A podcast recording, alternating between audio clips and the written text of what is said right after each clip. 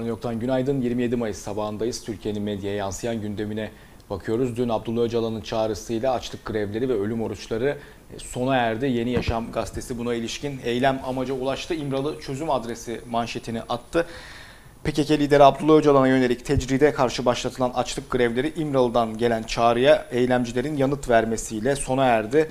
Öcalan'ın çözüm konusundaki belirleyici rolü ise tartışılıyor denilmiş. Gazetede 22 Mayıs'ta Öcalan avukatlarıyla görüşmüştü. Mayıs ayı başındaki ilk görüşmeden sonra bu ikinci görüşmeydi ve orada işte verdiği bazı mesajlar vardı. Tabii sadece açlık grevleriyle alakalı da değil ama yani temel olarak şu anda açlık grevlerinin sona erdirilmesi yönünde bir çağrısı vardı ve pazar günü de hani tüm bu açlık grevini sürdürenlerle de yapılan görüşmelerin ardından eylemlerin sona erdirilmesi kararı alındı. Leyla Güven 200 gündür açlık grevindeydi. O da başta olmak üzere hem açlık grevlerini sürdürenler cezaevi içindeki cezaevindekiler ve dışarıdakiler e, hastanelere kaldırıldılar, tedavi altına alındılar. E, Leyla Güven'in mesajları vardı. O da şunları söylemiş. Bizler topraklarımızda yaşanan acıların son bulması için Sayın Öcalan'ın tek muhatap olduğunu biliyoruz. Direniş mutlak tecridin kırılmasına yönelik bir kapı araladı. Ancak tecridin tamamen ortadan kaldırılması için farklı yöntemlerle aktif mücadelemize devam edeceğiz. Umut zaferden değerlidir. Umut ettik ve başardık. Evrensel açlık grevleri sonlandırıldı. Manşetini atmış. Öcalan'ın çağrısıyla açlık grevleri sonlandırıldı ve Leyla Güven'in de bu mücadelenin varması gereken yer onurlu bir barıştır ifadesi öne çıkarılmış. Fatih Polat'ın değerlendirmesi var. Öcalan'ın ikinci açıklaması ve bir sondaj süreci başlıklı. Şöyle deniliyor. Öcalan'ın 22 Mayıs tarihli görüşme İkinci mesajında da açlık grevleriyle birlikte Suriye vurgusunun yer alması bu görüşme sürecinde Suriye parantezinin kilit rolünü teyit etmiş oldu. Öcalan'ın bu ikinci mesajında bu görüşmelerin yaptırılmasının bir müzakere süreci anlamına gelmediği vurgusu da diğer önemli nokta. Evet bu haliyle bir müzakere süreci değil bir sondaj süreciyle karşı karşıya olduğumuzu belirtiyor Fatih Polat. Cumhuriyet açlık grevleri bitti ifadesiyle e, bu gelişmeyi birinci sayfasına taşımış Leyla Güven'in e, fotoğrafıyla. Aydınlık'ta Öcalan talimat verdi açlık grevleri sona erdi e, deniliyor. Sözcü sert bir dil kullanmaya devam etmiş. Terörist başı Apo PKK'yı İmralı'dan yönetmeye yine başladı başlığı var e, Sözcü'de.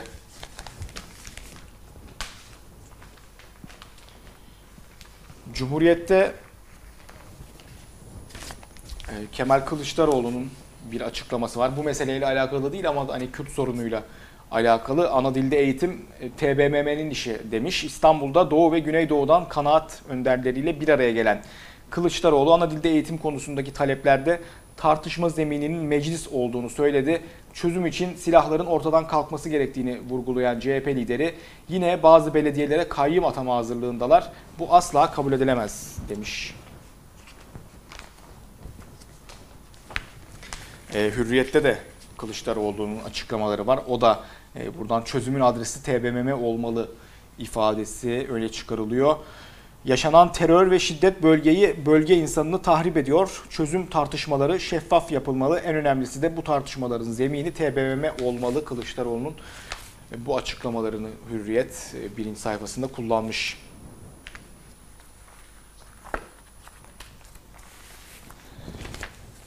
Yeni Yaşam'da Ahmet Tulgar'ın pazartesi söyleşilerinde bugünkü konuğu Ateş İlyas Başsoy. Ateş İlyas Başsoy CHP'nin aynı zamanda seçim kampanyasını yürüten isim, reklamcı ve yazar.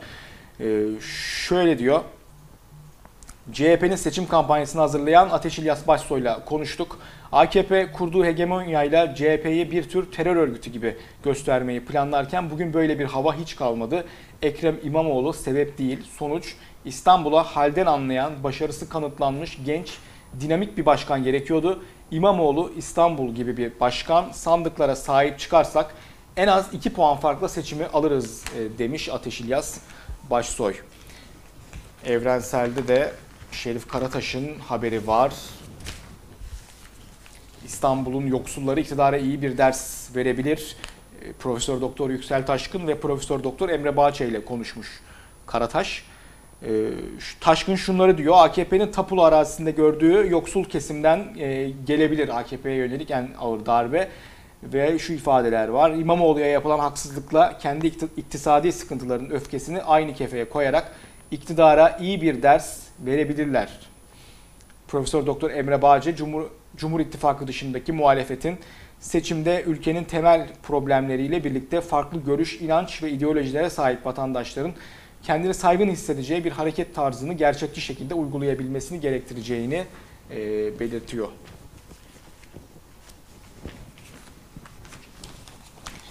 Cumhuriyet'te Ekrem İmamoğlu'nun dünkü açıklamaları var. Sürprizlerim olacak. Seçilmiş İstanbul Büyükşehir Belediye Başkanı Ekrem İmamoğlu İstanbul gönüllüleriyle bir araya geldi. Bu kötü boksörler kavga etmek istiyor. Onları ringde tek başına bırakacağız diyen İmamoğlu sizlere sürprizlerim olacak. Güzel şeyler söyleyeceğim son bir hafta kala diyor. İmamoğlu son bir hafta kala acaba e, neler de diyecek hani bu seçim ayarlı bir müjde. Dün emeklilikte yaşa takılanların yeni kapı mitingi e, vardı.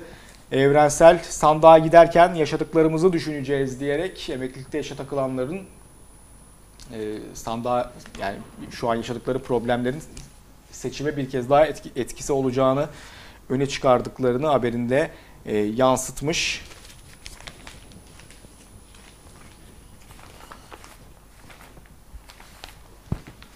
Aydınlığın sür manşetinde hakkımızı alana kadar mücadele edeceğiz ifadesi var. Emeklilikte yaşa takılanlar hükümete seslerini duyurmak için İstanbul Yeni Kapı'da buluştu. 55 ilden binlerce EYT'li sadaka değil hakkımızı istiyoruz. Direne direne kazanacağız sloganları attı. Bazı EYT'liler torunlarıma harçlık vermiyor, veremiyorum diye isyan etti. Emeklilikte yaşa takılanlar Sosyal Yardımlaşma ve Dayanışma Derneği Genel Başkanı Gönül Baran Özüpak haklarını alana kadar mücadeleye devam edeceklerini belirtti. Sözcüde de sadaka değil hakkımızı istiyoruz ifadesiyle emeklilikte yaşa takılanlar e, yansıtılmış. Cumhuriyette de e, bizi emekli edin e, ifadesi var. Yani evet biraz emeklilikte yaşa takılanların talebi bu. Yani bizi emekli edin diyorlar işin özü. 27 Mayıs darbesinin yıl dönümü sabahın manşetinde 59 yıllık utançtan demokrasi adasına ifadesi var. 27 Mayıs 1960 darbesinde utanç mahkemelerinin kurulduğu Yassıada artık demokrasi ve özgürlük adası olarak tarihe ışık tutacak e, denilmiş biliyorsunuz. Sabah da zaten demokrasi ve özgürlük yani yarım tutuşur demokrasi ve özgürlük için çok önemser bu meseleyi. O yüzden 27 e, Mayıs darbesini de çok önemsiyorlar. Manşetlerine taşımışlar. Erdoğan'ın dün artık bu ülkede kimse darbe yapamaz şeklinde bir e, ifadesi vardı. Hürriyet, Akşam, Yeni Şafak, Star gibi gazeteler bunu birinci sayfasına taşımış. Hürriyet'te gazeteci yazar Altan Öymen'le konuşulmuş. İpek Özbey'in röportajı var. İdamlar demokrasiye büyük zarar verdi demiş Öymen ve şu ifadeler var.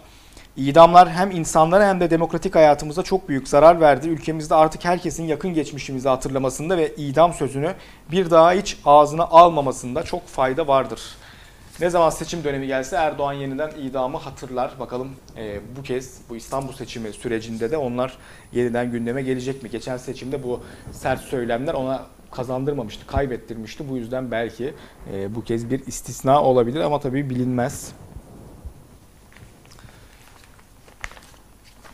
Cumhuriyet'te 27 Mayıs'ın bilinmeyenleri haberi var. 27 Mayıs 1960'ı sürecin yakın tanığı olan kurucu meclis üyesi Alev Coşkun anlattı. Coşkun Demokrat Parti'nin 1957 seçiminin ardından özgürlükleri kısmaya başladığını söyledi. İsmet İnönü'nün 3 Mayıs 1959 günü İstanbul'da linç edilmek istendiğini anımsatan Coşkun, eğer Menderes geçmiş olsun deseydi ihtilal olmazdı diye konuşmuş. Aydınlık'ta 27 Mayıs dersleri yazısı var ama tabii o e,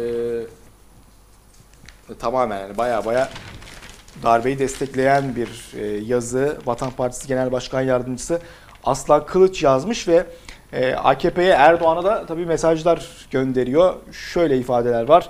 27 Mayıs'ın genişlettiği bağımsızlıkçı ve kucaklayıcı çoğulculuk Türkiye İttifakı çoğulculuğunun temelini oluşturur. Erdoğan'ın geçtiğimiz günlerde vurgu yaptı Türkiye İttifakı.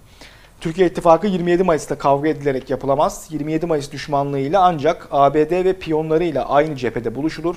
Bunun için FETÖ, PKK, mandacı liberaller cephesinin yıllardır sürdürdüğü 27 Mayıs düşmanlığına bakmak yeterlidir. E, Vatan Partisi'nin ve Aydınlığın görüşleri bu şekilde. Evrenselde Hakan Güngör'ün e, yazısı var. Sivil darbeden askeri darbeye 27 Mayıs şeklinde yazıdan iki bölüm okuyacağım. E, biri darbenin sivil hali bölümünde. Demokrat Parti güç kazandıkça iktidara yürüdüğü sırada vaat ettiği tüm özgürlükleri bir kenara itti. Hatta düşmanı oldu. DP iktidarının son 4 yılında 200'ün üzerinde gazeteci tutuklandı. Basın yasakları nedeniyle gazeteler resmi açıklamalar dışında haber veremez hale geldi. Kağıt sadece Menderes'e destek olan gazetelere yani besleme basına verildi. Nisan 1960'ta iki öğrenci öldürüldü.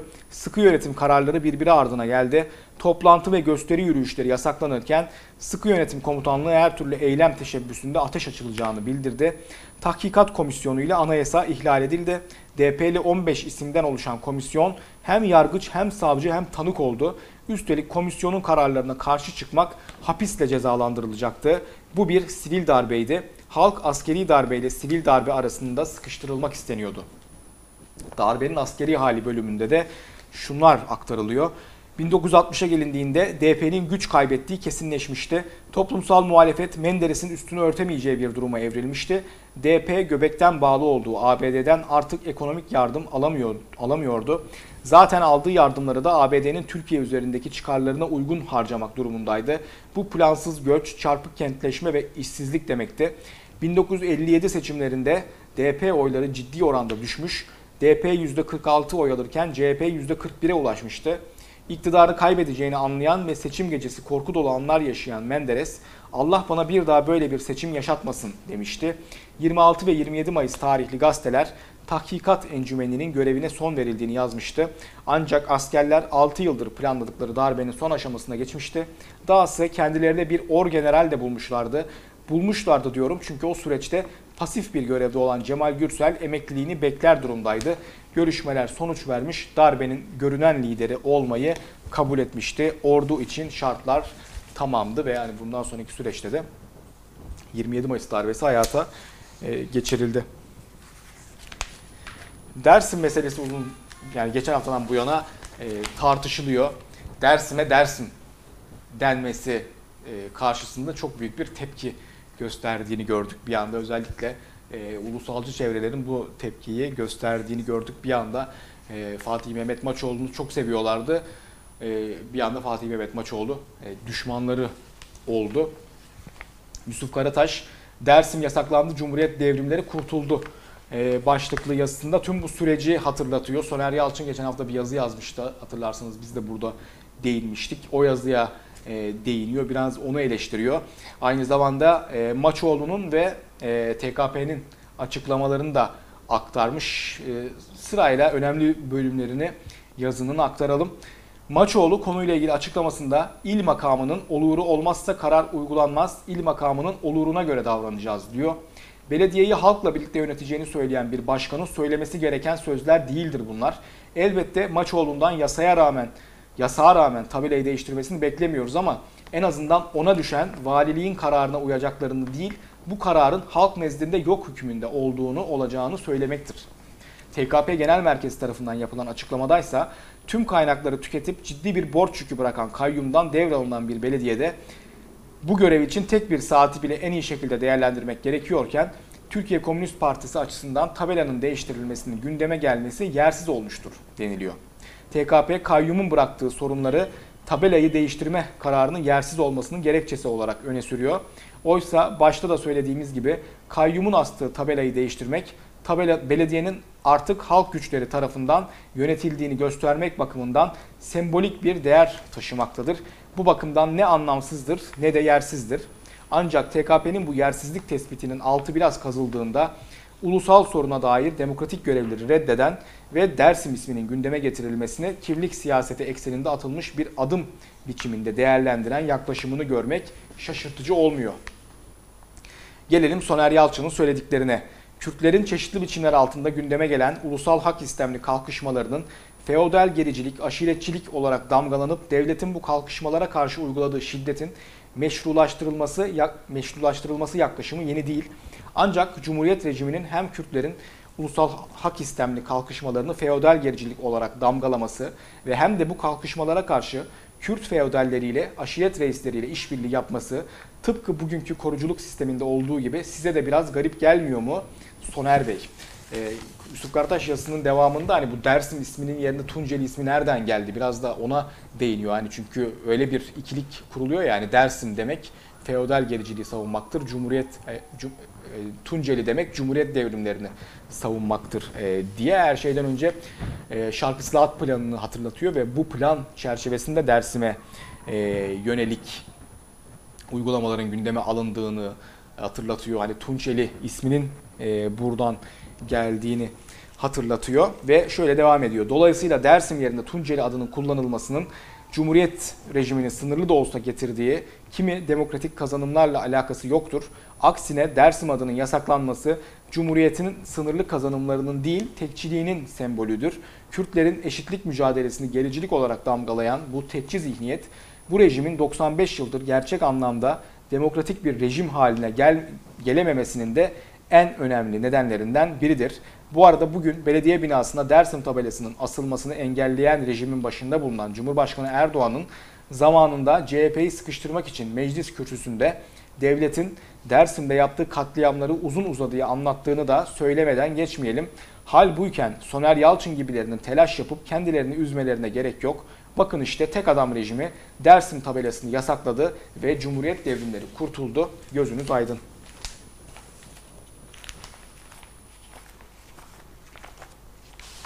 Yeni Yaşam'da da sanatçı Mikail Aslan'ın bu Dersim meselesiyle ilgili bir mesajı var. Dersim bir klamın adıdır, değişmez diyor ee, Mikail Aslan. Ve hani sanatçılara da sesleniyor aynı zamanda Athena'dan Gökhan Özoğuz. Geçtiğimiz hafta o son dönemde sıklıkla artan e, sosyal medya çıkışlarından birini yapmıştı bu Dersim meselesiyle e, ilgili. Mikail Aslan ona e, biraz yanıt veriyor. Şöyle yanıtı. Dersim bin yıldır bu dağlarda yankılanan bir klamın adıdır değişmez. Bir halkın ruhuna, tarihine, varlığına açılan bir kapıdır değişmez. Sanatçı dediğin bu kapının önünde durur. Bu kapının ardını merak eder. Kendisini, kendine kendisi olarak tarif eden insanları hizaya çekmez. Herhangi bir güç bunu yaparsa o güce karşı çıkar, kabul etmez.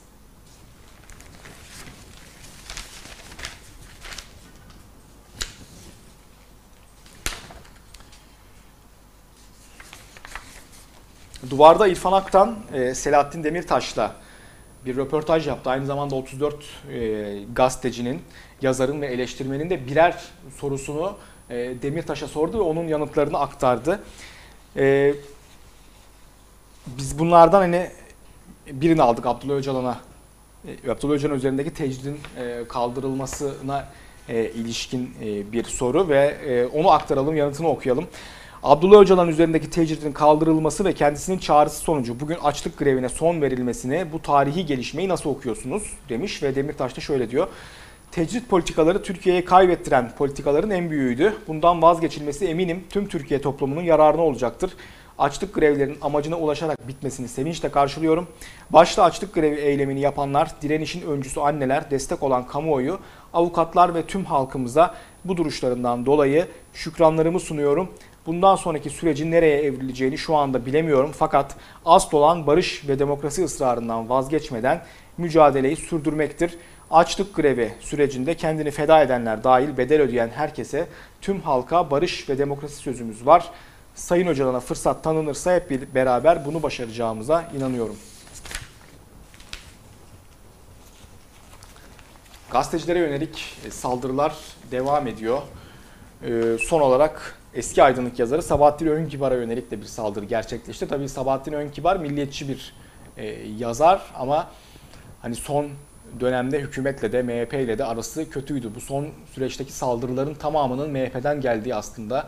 E, daha doğrusu hani MHP e, öne sürülen aktör olarak MHP öne sürülüyor ama tabii arkasında daha derin e, güçler olması e, muhtemel. Sabahattin Önkibar da son e, dönemde milliyetçi bir yazar olarak MHP ile AKP ile de arası e, çok iyi değildi. Dolayısıyla bu saldırı sonrasında gözler yine e, oraya e, çevrildi. Saldırı sonrası 4 kişinin 4 kişi gözaltına alındı. Tabii bugüne kadar hani son dönemde sıkça artan bir saldırı furyası var ve e, bu saldırılarda sa- saldırılar sonrası gözaltına alınanların tamamının serbest bırakıldığını e, gördük. Hani Kemal Kılıçdaroğlu'na saldırı da dahil e, bir başka gazeteci Yavuz Selim Demirağ saldırı da e, dahil hep e, gözaltıların akıbeti aynı şekilde oldu. Bakalım Sabahattin Önkibar'da da böyle bir şey e, olacak mı onu da takip edeceğiz. Ne var ne yoktan bugünlük bu kadar. Yarın yeniden aynı saatte görüşmek üzere. Hoşçakalın.